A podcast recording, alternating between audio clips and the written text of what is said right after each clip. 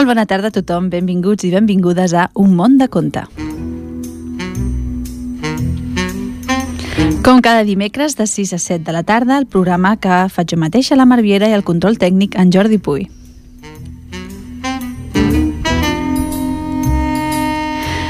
Si ens estàs escoltant és perquè ens has trobat, perquè has trobat el 91.3 de la FM, que és l'emissora municipal, Ripollet Ràdio.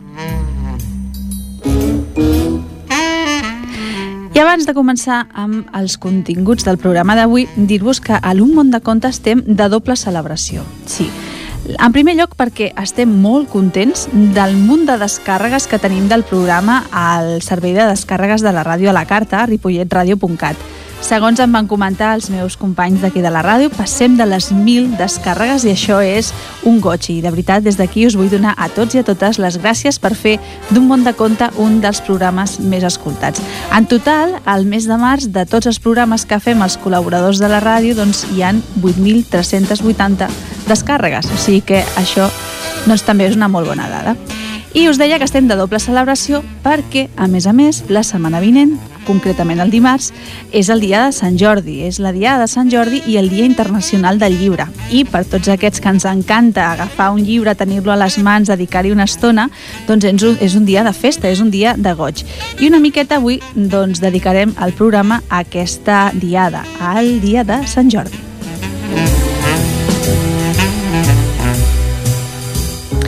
Començarem amb tres històries de reis. La primera serà el cabell blanc del rei, la segona el camell moliner i la tercera el conte de l'estrella. I per acabar, com us deia, per dedicar aquest programa a la Diada de Sant Jordi, doncs llegirem la llegenda de Sant Jordi.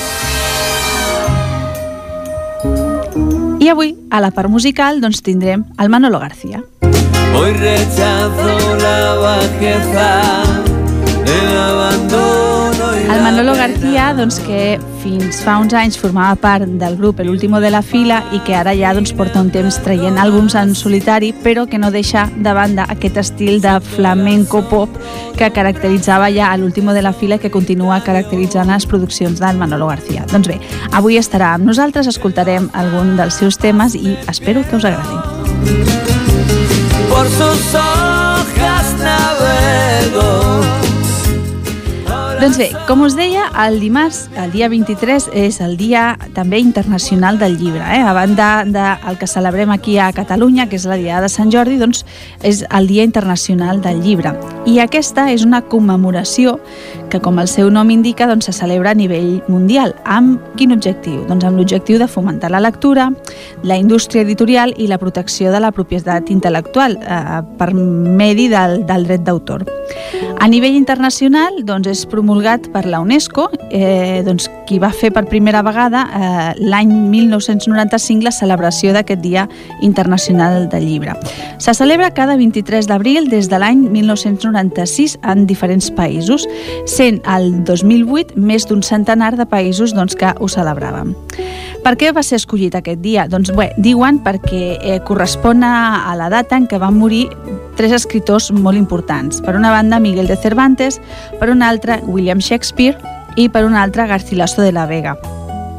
En aquesta data doncs, també es diu que van morir doncs, William Wordsworth, també el Josep, Josep Pla, i d'alguna manera doncs, la Unió Internacional d'Editors va proposar aquesta data a la UNESCO doncs, això amb l'objectiu de fomentar la lectura i la protecció de la propietat intel·lectual. La Conferència General de la UNESCO la va aprovar, la va aprovar a París el 15 de novembre del 95 i a partir d'aquí doncs, es diu el Dia Internacional del Llibre i del Dret d'Autor. A més a més, una dada curiosa, i és que lligat al Dia Internacional del Llibre, aquesta celebració, també doncs, s'escolleix el que seria la capital mundial del llibre.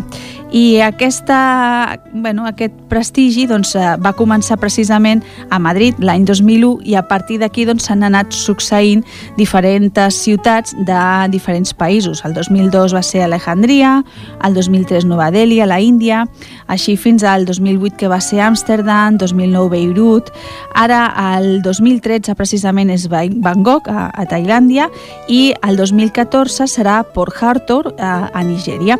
Per tant, doncs, bueno, aquest dia no, doncs, a, també a, va passant per aquestes diferents ciutats i la veritat és que a nosaltres des d'un món de conte aquesta iniciativa doncs, ens sembla molt bona idea i ens agrada que se la celebri doncs, aquesta data, no, el, el Dia Internacional del Llibre, perquè per nosaltres els llibres són molt importants.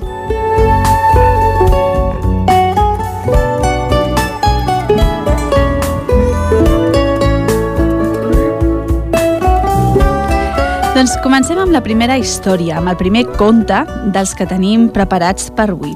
Són tres contes de reis. El primer se titula El cabell blanc del rei i són contes escrits per Ramon Girona i el llibre que tinc a les mans doncs, té les il·lustracions fetes per un autor que es diu Linard i que de veritat que us aconsello que mireu dibuixos d'aquest artista. Com us deia, el primer títol és El cabell blanc del rei i comença així. En un país llunyà, a l'Orient, d'aquí on som nosaltres, en vivia i regnava despreocupadament el jove rei Melchior. Al nord d'aquell país s'estenia una serralada de muntanyes amb els cims coberts de neu gairebé tot l'any, i un riu el creuava de punta a punta. Cada any els habitants d'aquell país esperaven que el riu creixés i els desbordés, perquè escampant la seva aigua i tot el fang que arrossegava, el riu enriquia els camps i així les collites eren abundoses. La vida de la majoria dels habitants d'aquell país, però, no era fàcil. Havien de treballar molt, fent de pagès, i havien de donar gairebé tot el que collien a uns quants pocs que eren els que governaven. Mentre el riu no s'oblidi de nosaltres, deien els pagesos, entre crescuda i crescuda del riu, el, rob, el jove rei Melchor es dedicava a viure bé i enamorar, i enamorar princeses amb la seva llarga cavallera fosca. Un dia, però, el rei Melchor va descobrir que entremig d'aquells cabells tan negres n'hi havia sortit un de blanc. Que es reuneixi el Consell, va cridar el rei en adonar-se'n. I amb els consellers reunits va voler saber per què li havia sortit un cabell blanc i què calia fer aleshores. El primer conseller que va parlar va dir que allò era normal, que algunes persones, quan es fan grans, els surten cabells blancs. El rei, en sentir aquella explicació, es va posar tan nerviós que va començar a singlotar. «Arrenquem el cabell!» Va proposar tot seguit un dels consellers. «Impossible!» va respondre el conseller de l'altre extrem de la sala i va afirmar que era un fet provat que si t'arrenquen un cabell blanc, te'n surten de cop set. Davant d'aquella afirmació tan seriosa, van decidir no arrencar el cabell. El metge del rei aleshores va explicar que el monarca era una persona molt sensible i que a causa d'això, per curar-li el cinglot, caldria que no veiés res que li pogués recordar el seu cabell blanc. El metge va proposar com a solució tenyir el cabell i també totes les coses blanques del regne. I així, tots els habitants del país foren obligats a tenyir els vestits i els llençols que eren de color blanc, però també els coloms, els xais, la llet i tot el que fos blanc. Al cap de poc, el país semblava l'arc de Sant Martí, però el rei continuava singlotant. La causa d'aquell nou fracàs, va dir un conseller, era la neu tan blanca que hi havia al cim de les muntanyes. I va proposar que un cop la neu, com cada estiu, hagués desaparegut, redactessin un ordre prohibint-li de tornar a aparèixer. I així ho van fer. I el que són les coses, aquell any va fer més calor que mai i als cims de les muntanyes no hi va nevar. Com a conseqüència d'allò, a l'estiu següent la neu no es va poder fondre. I en no fondre's la neu, el riu no va créixer i tampoc no es va desbordar, i les collites foren dolentes i els habitants del país van patir gana. A Palau, però, amb els graners ben plens, els consellers seguien preocupats perquè el rei encara s'inglotava. Com que ja ho havien provat tot, van decidir que a partir d'aleshores obligarien tothom a saludar-se singlotant. El rei, però, fart d'aquells consellers, els va ordenar que el deixessin sol, que volia meditar.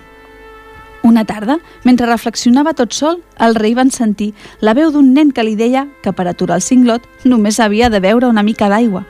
Ja ho he provat, va contestar el rei. No pas amb l'aigua de casa meva, va insistir el nen.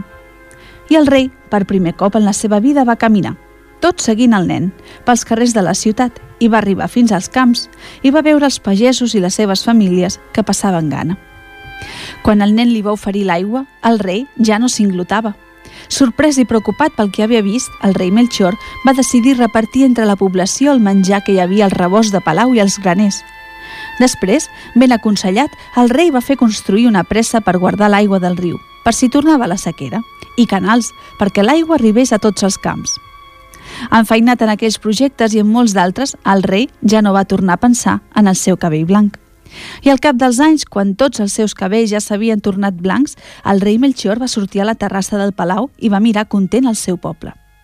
Aleshores, alçant la vista al cel, va descobrir una nova estrella, una estrella amb cua que creuava el cel il·luminant-ho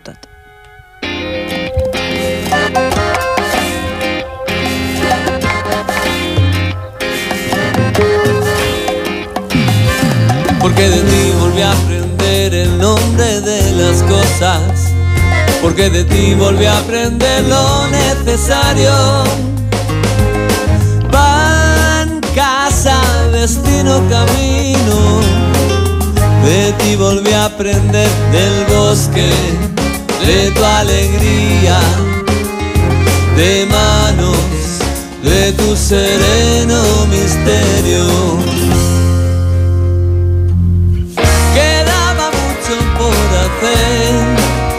Arreglar la huerta, hablar con los perros, pasear por las orillas del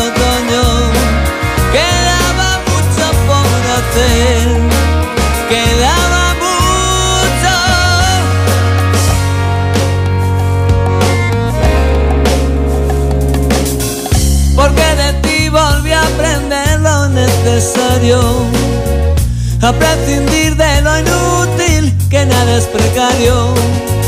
Del brillo de tus ojos a disfrutar el tiempo lento y cuatro cosas sutiles de tu gesto cierto. Y muchas cosas más de ti aprendí y quedaba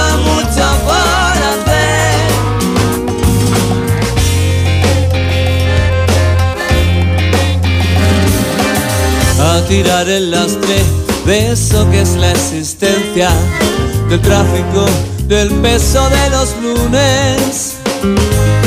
Gris, cielo, hoguera, camino, de películas malas, a robarle el tiempo al minutero, que los relojes matan el tiempo por hacer, recoger los sueños en las noches frías, como cuando no hay peces, recojo las redes vacías.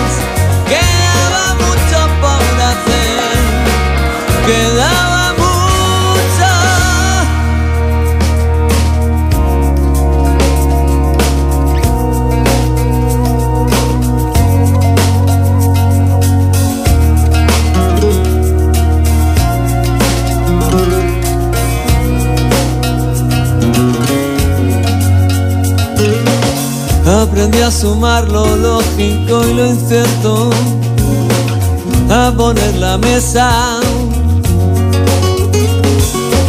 Aprendí a tolerar la presencia necesaria de las arañas. Aprendí a soportar solo lo soportable y quedaba Yo tan en serio, luchar contra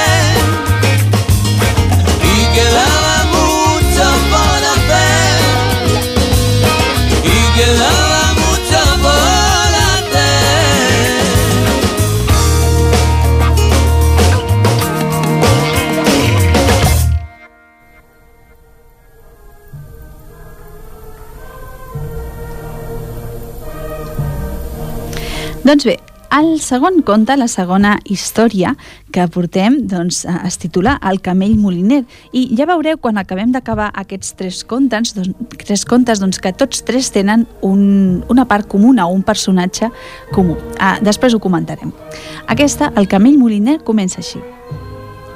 En un país llunyà, a l'Orient, d'aquí d'on som nosaltres, el rei Gaspar estudiava cada nit les estrelles i mentre el rei observava el cel, als estables de Palau els animals es reunien i parlaven, una estona, abans d'anar a dormir. Aquella era una bona hora per xerrar sobre el que havien fet durant el dia i també per recordar aventures passades i explicar-ne de futures.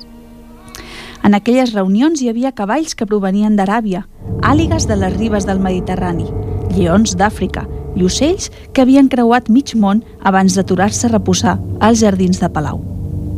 Els camells, que també participaven en les reunions, explicaven sense pressa les seves llargues caminades a través del desert. En el desert era molt fàcil perdre's, però els camells sempre havien sabut quina ruta calia seguir per arribar fins a les ciutats meravelloses de l'altra banda. Entre els camells n'hi havia un, però, que no s'havia mogut mai de Palau. Aquest camell es passava el dia donant voltes i més voltes lligat a una pedra de molí. El camell arrossegant aquella pedra havia aixafat gra durant anys i anys, i mentre girava i girava només havia vist les parets de la cuina de Palau, quatre palmeres, un tros de mar i una mica de jardí. El camell, però, volia ser com els altres i s'inventava històries de viatges que no havia fet, de llocs fantàstics que no havia visitat. Pobre camell, com que era un tros de pa, no sabia dir mentides i ningú no es creia les seves històries. Els altres animals, quan el sentien, que explicava algun dels seus viatges meravellosos, somreien per sota el nas. Una nit, el rei Gaspar va descobrir al cel l'estrella que feia tant de temps que buscava, l'estrella que l'havia de dur a Belém. I ràpidament va ordenar que preparessin la caravana que seguiria aquella estrella. Al pati de Palau els, els camells formaven una corrua llarga, tots ben equipats. Aleshores, el cap de la caravana es va donar que un dels camells tenia una pota ferida i com a solució d'emergència va decidir que el nostre camell el substituís. Van col·locar-lo al final de tota la caravana i el van carregar amb olles, plats i unes quantes catifes. Durant els primers dies de viatge el camell obria molt els ulls i es fixava en tot el que anaven trobant. Un vespre, enmig del desert, el patge que anava al davant de la caravana va assenyalar a l'horitzó un gran núvol. Aquell núvol era una tempesta de sorra que avançava cap allí on eren ells – Malgrat el perill d'aquella tempesta, el rei Gaspar i els seus consellers van decidir continuar endavant, perquè ja anaven molt endarrerits. El nostre camell, però, es va espantar tant que va girar cua i va començar a córrer en direcció contrària. El pobre camell va córrer tant com va poder, perquè desitjava arribar el més aviat millor a casa. Però com que s'havia passat tota la vida donant voltes, també en aquella ocasió, en comptes d'avançar en línia recta, va anar girant, girant, girant. Al cap d'un dia, el camell havia donat tota una volta completa i, sense adonar-se'n, tornava caminant la mateixa direcció que havia seguit la caravana. El camell avançava de nou cap a Betlem. Al matí següent, el camell va veure un home que caminava tot sol pel desert. Aquell home era el rei Gaspar. La tempesta de sorra havia estat tan forta que els patges i els camells i tots els membres de la caravana s'havien separat sense voler. El rei anava tot cobert de pols i el camell, que només l'havia vist de prop una o dues vegades, en tota la seva vida no el va reconèixer. Però malgrat això, es va oferir a dur-lo a seu damunt. D'aquesta manera, el rei Gaspar i el camell van seguir l'estel. I quan finalment van haver trobat tots els altres membres de la caravana, el rei, agraït, no va voler muntar cap altre camell. Fou, doncs, damunt el nostre camell que el rei va arribar fins a Betlem, fins a l'establia. De tornada a Palau, la resta d'animals feien rotllant al seu voltant i li demanaven que els expliqués tot el que havia vist. Aleshores, el camell somreia per sota el nas i els deia que s'havia fet molt amic d'una mula i d'un bou i que els havia convidat a visitar-lo algun dia a Palau. Sírvete entre dejado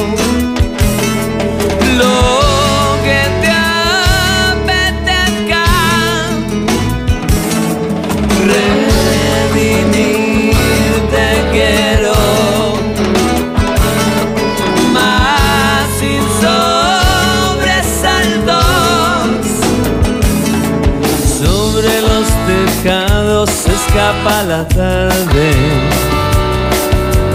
Humo de un cigarro que fuma Gardel. En el dulce licor que me hiere salvaje. En los garabatos que hago en el mantel. Y esperaré. Y si no vuelves me quedaré dormido.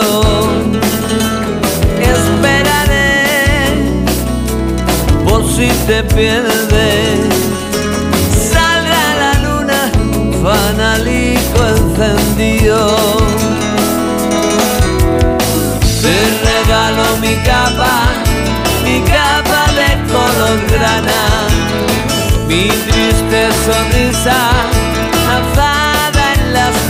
cama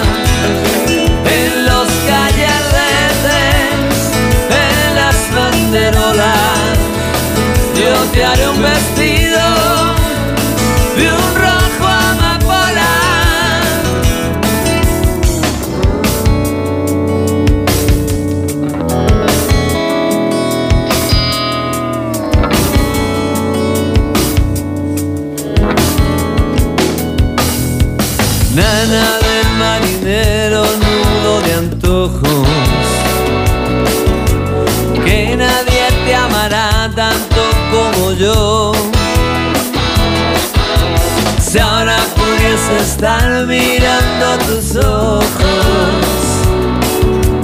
iba a estar escribiendo aquí esta canción. Esperaré. Y si no vuelves bajo el olivo me quedaré dormido.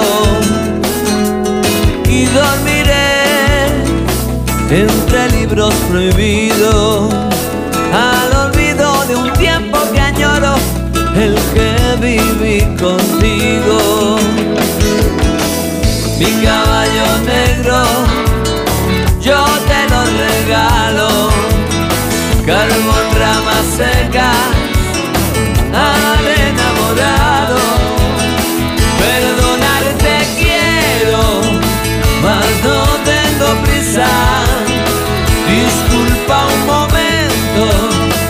que.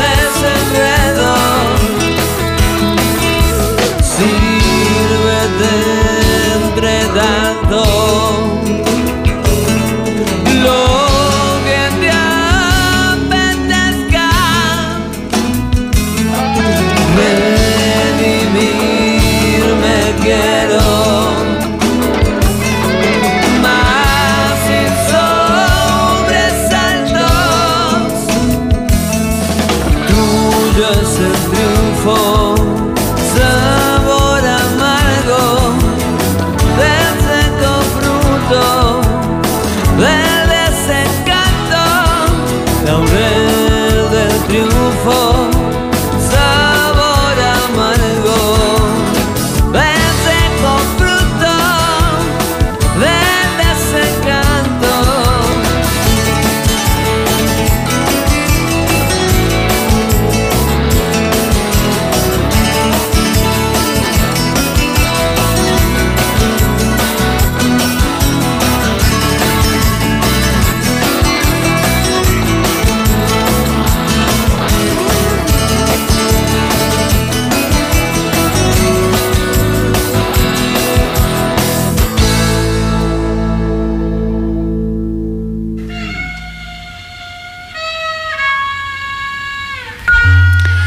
Doncs bé, el tercer conte, la tercera història d'avui, és el conte de l'estrella. I comença així. Al fons del cel, allí on tot és fosc i negre, les estrelles es movien molt a poc a poc, tan a poc a poc que semblaven quietes. Des d'allí dalt, les estrelles gairebé no veien la Terra. Per això, a elles, els era igual, perquè heu de saber que a les estrelles no els interessava gaire el que passava a la Terra. Un dia, però, una estrella jove va creuar el cel, ben de pressa. L'estrella jove va dir que volia veure la Terra de més a prop, i la resta d'estrelles, atabalades per la velocitat que portava, van provar d'aturar-la, però anaven tan lentes que no van poder. L'estrella jove va saltar, va riure, va giravoltar divertida i va continuar el seu viatge supersònic fins a caure dins el mar. D'aquesta manera, l'estrella jove es va convertir en una estrella de mar. Dins el mar, a l'estrella no li va costar gens fer-se amiga d'una balena. I així, enganxada al llom de la balena, l'estrella va recórrer tots els oceans. Després de viatjar molt i de conèixer musclos, pops, llussos, sardines i tota la resta d'habitants del mar, l'estrella va dir a la balena que ja havia arribat l'hora de tornar al cel. La balena se la van passar i després va posar en marxa el sortidor que tenia a l'esquena i la va enviar amunt amunt. Però no prou amunt, perquè arribés fins allí on viuen les estrelles. No et preocupis, li va dir l'estrella a la balena. M'aproparé a la costa i miraré si des d'allí algú em pot tornar al cel. Fou així que una onada va deixar l'estrella damunt una roca, a tocar de la platja. Al cap d'una estona, l'estrella va veure una nena que s'apropava, caminant per la sorra. I la nena, que havia anat a esperar les barques que tornaven de pescar, també la va veure ella. Com et dius? li va preguntar l'estrella. Maria, va respondre la nena. Aleshores, l'estrella li va explicar els seus viatges pels mars glaçats, del nord i del sud, i per les aigües transparents del tròpic, i a la fi li va demanar si sabia alguna manera perquè pogués tornar al cel. No, no ho sé, però li preguntaré al meu pare, va dir la Maria apropant-se a les barques que ja havien arribat a la platja. El pare de la Maria s'ho va rumiar uns minuts i després va contestar Ah, filla, tinc una idea. La convertirem en un estel. I així ho van fer. Aquell vespre, mentre les nenes i els nens del poble feien voleiar els estels a la platja, l'estel de la Maria començava a enfilar-se cel amunt. L'estel, content perquè s'enlairava, va brillar i va deixar anar tot d'espurnes, com ho fan els focs artificials. I els seus colors eren tan bonics que tothom es va plegar al voltant de la Maria per veure'l. La Maria, llavors, de tant que li agradava l'estel, va estar a punt de no deixar-lo anar perquè se'l volia quedar per ella. Finalment, però, va obrir la mà que aguantava el fil i l'estel es va escapar, amunt, amunt, amunt. Et prometo que ens tornarem a veure, va dir l'estel a la Maria, i va brillar encara més. I les espurnes que deixava anar es van convertir en tocar el terra en cuques de llum, que li van servir a la Maria per recordar la seva amiga l'estrella.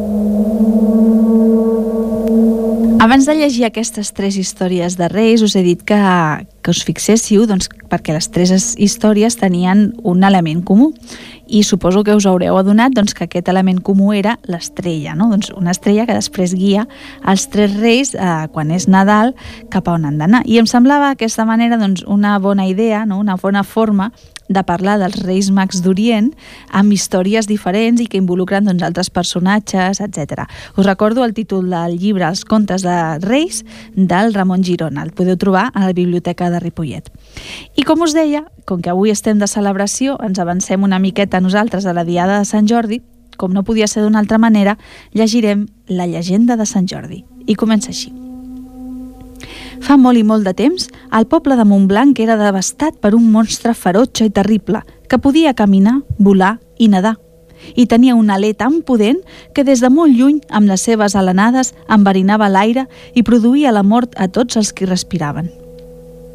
El monstre era l'estrall dels ramats i les persones, i per tota aquella contrada regnava el terror més profund, Preocupats per la situació, els habitants de Montblanc van pensar en donar al drac cada dia de menjar una persona, per intentar calmar-lo. El problema era trobar la persona que volgués sacrificar-se cada dia per ser devorada pel drac. I així fou com després d'una llarga discussió, els vilatans van decidir sortejar cada dia qui seria la persona que aniria a parar a l'estómac del drac. I així ho feren. I sembla ser que la jugada els va sortir bé l'abominable bèstia se'n deuria sentir satisfeta perquè deixar de fer estralls i malifetes per aquelles terres. Però heus aquí un dia la sort feu que li toqués ser devorada a la filla del rei. La jove princesa era molt simpàtica, amable, bonica i elegant. Tenia el cor de tots els ciutadans robats i per aquest motiu centenars s'oferiren per substituir-la. Però el rei, afligit i adolorit, fou just i sever. La seva filla era com qualsevol altra – si li havia tocat, hi havia d'anar. I així fou com la jove doncella sortí del castell per trobar-se amb la bèstia mentre tot el poble mirava desconsolat i afligit, com la princesa es dirigia cap al sacrifici. Però mentre la noia es dirigia cap al cau del monstre, un jove cavaller, amb una brillant armadura, muntat sobre un cavall blanc, es va presentar. La donzella se'l mirà i l'advertí. «Fugiu, fugiu ràpidament d'aquí, noble cavaller, si us quedeu per aquí, apareixerà la bèstia i només us vegi, us devorarà. El jove cavaller se la mira i li contestà No patiu, jove donzella. Si sóc aquí és perquè he vingut expressament. He vingut des de molt lluny per protegir-vos a vos i alliberar el vostre poble d'aquesta fera. No va tenir temps ni de dir això, que de cop i volta va sortir la fera davant l'horror de la princesa i el goig del cavaller. Va començar una intensa però breu lluita – fins que el cavaller li va clavar una bona estocada amb la seva llança, que va deixar malferida a la terrible bèstia i la va matar. De la sang que embrulla en sorgí ràpidament un roser, amb les roses més vermelles que la princesa hagués vist mai. Roser del que el jove cavaller en talla una rosa i li oferí a la princesa.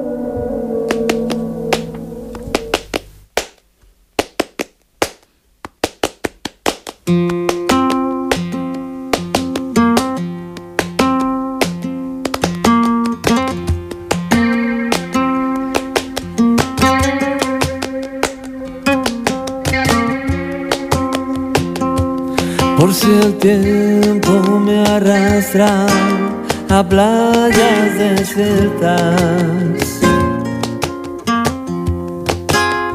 Hoy cierro yo el libro de las horas muertas.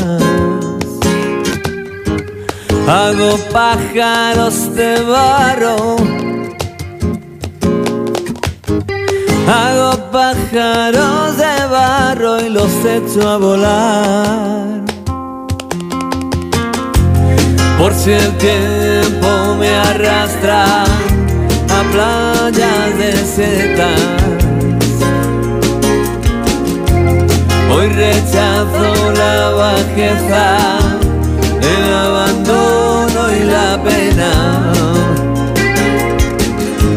Ni una en blanco más. Siento el asombro de un transeúnte solitario.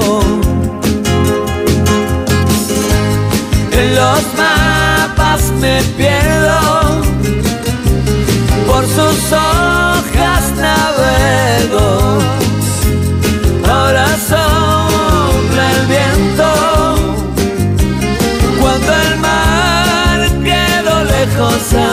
Tiempo.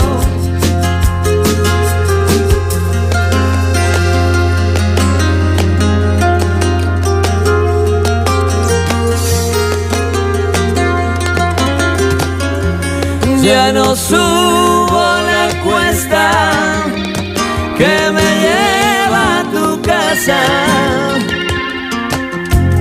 Ya no duerme mi perro candela. En los vértices del tiempo anidan los sentimientos. Hoy son pájaros de barro que quieren volar. En los valles me pierdo, en las carreteras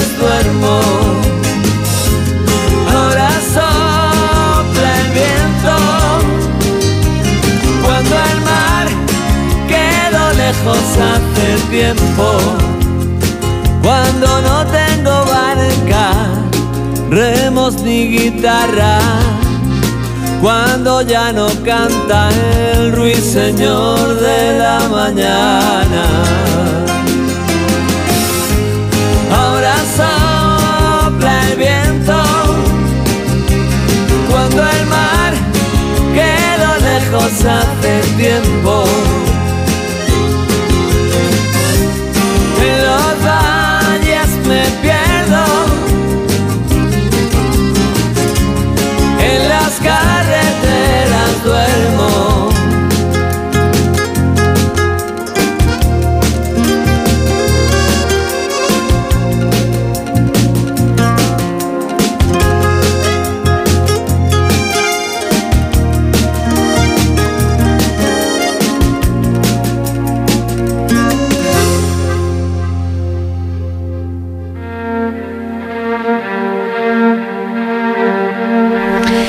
Bé, hem arribat al final del programa d'avui. Un programa doncs, que d'alguna manera hem volgut dedicar o que hem volgut eh, celebrar aquesta diada de Sant Jordi, aquest Dia Internacional del Llibre del proper dimarts. Eh, us recordo des d'aquí que el diumenge nosaltres aquí a Ripollet celebrarem el Sant Jordi a la Rambla i que mirant les parades o els estants que les diferents llibreries i entitats doncs, posen al carrer eh, podeu veure les propostes de nous títols de, de llibres o de contes i sempre és una bona ocasió per fer-se amb un nou exemplar, amb un nou llibre que us faci passar estones entretingudes. Així doncs us recomano que, que feu aquesta passejada el dia el diumenge, el dia del Sant Jordi a la Rambla i que gaudiu doncs, de, de la festa. Així doncs, desitjar-vos una feliç diada. Felicitem des d'aquí el nostre tècnic de so, que serà el seu sant. No ens veurem aquell dia, però bueno, el felicitem abans. I res, desitjar-vos que passeu un bon final de setmana, un bon cap de setmana i una abraçada ben forta.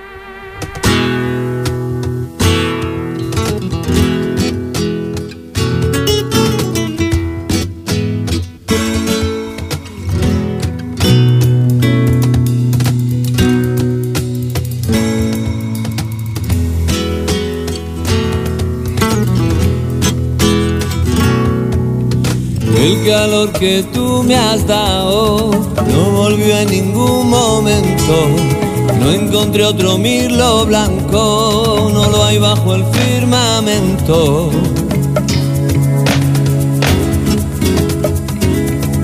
Del vuelo de tus palomas, del ala de tu sombrero, me columpié en el alero de los aires que te daba.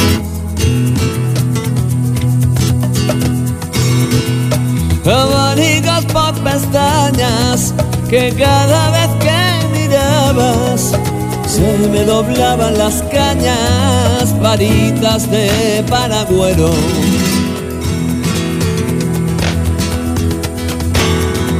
La sombra de una palmera es alimento del alma. Ahora que todo ha pasado, neblina del sentimiento. Añoranza de otro tiempo que me honraba tu presencia. Fue tu amistad sincera, desinteresada y cierta.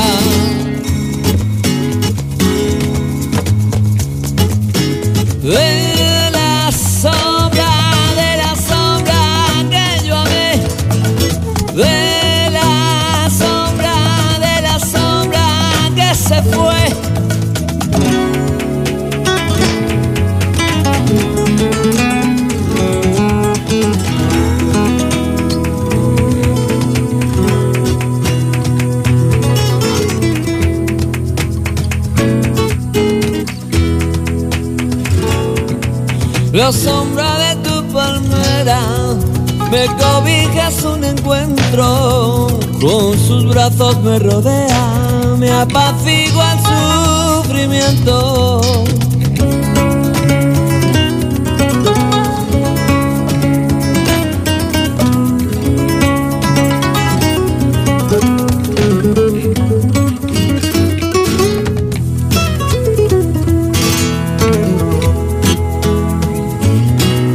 Es un desierto de esperas, de amaneceres ardientes, de mañanas que florecen como troncos de serpientes. La sombra de una palmera es alimento del alma, es un desierto de arena. Ahora que todo ha pasado, neblina del sentimiento.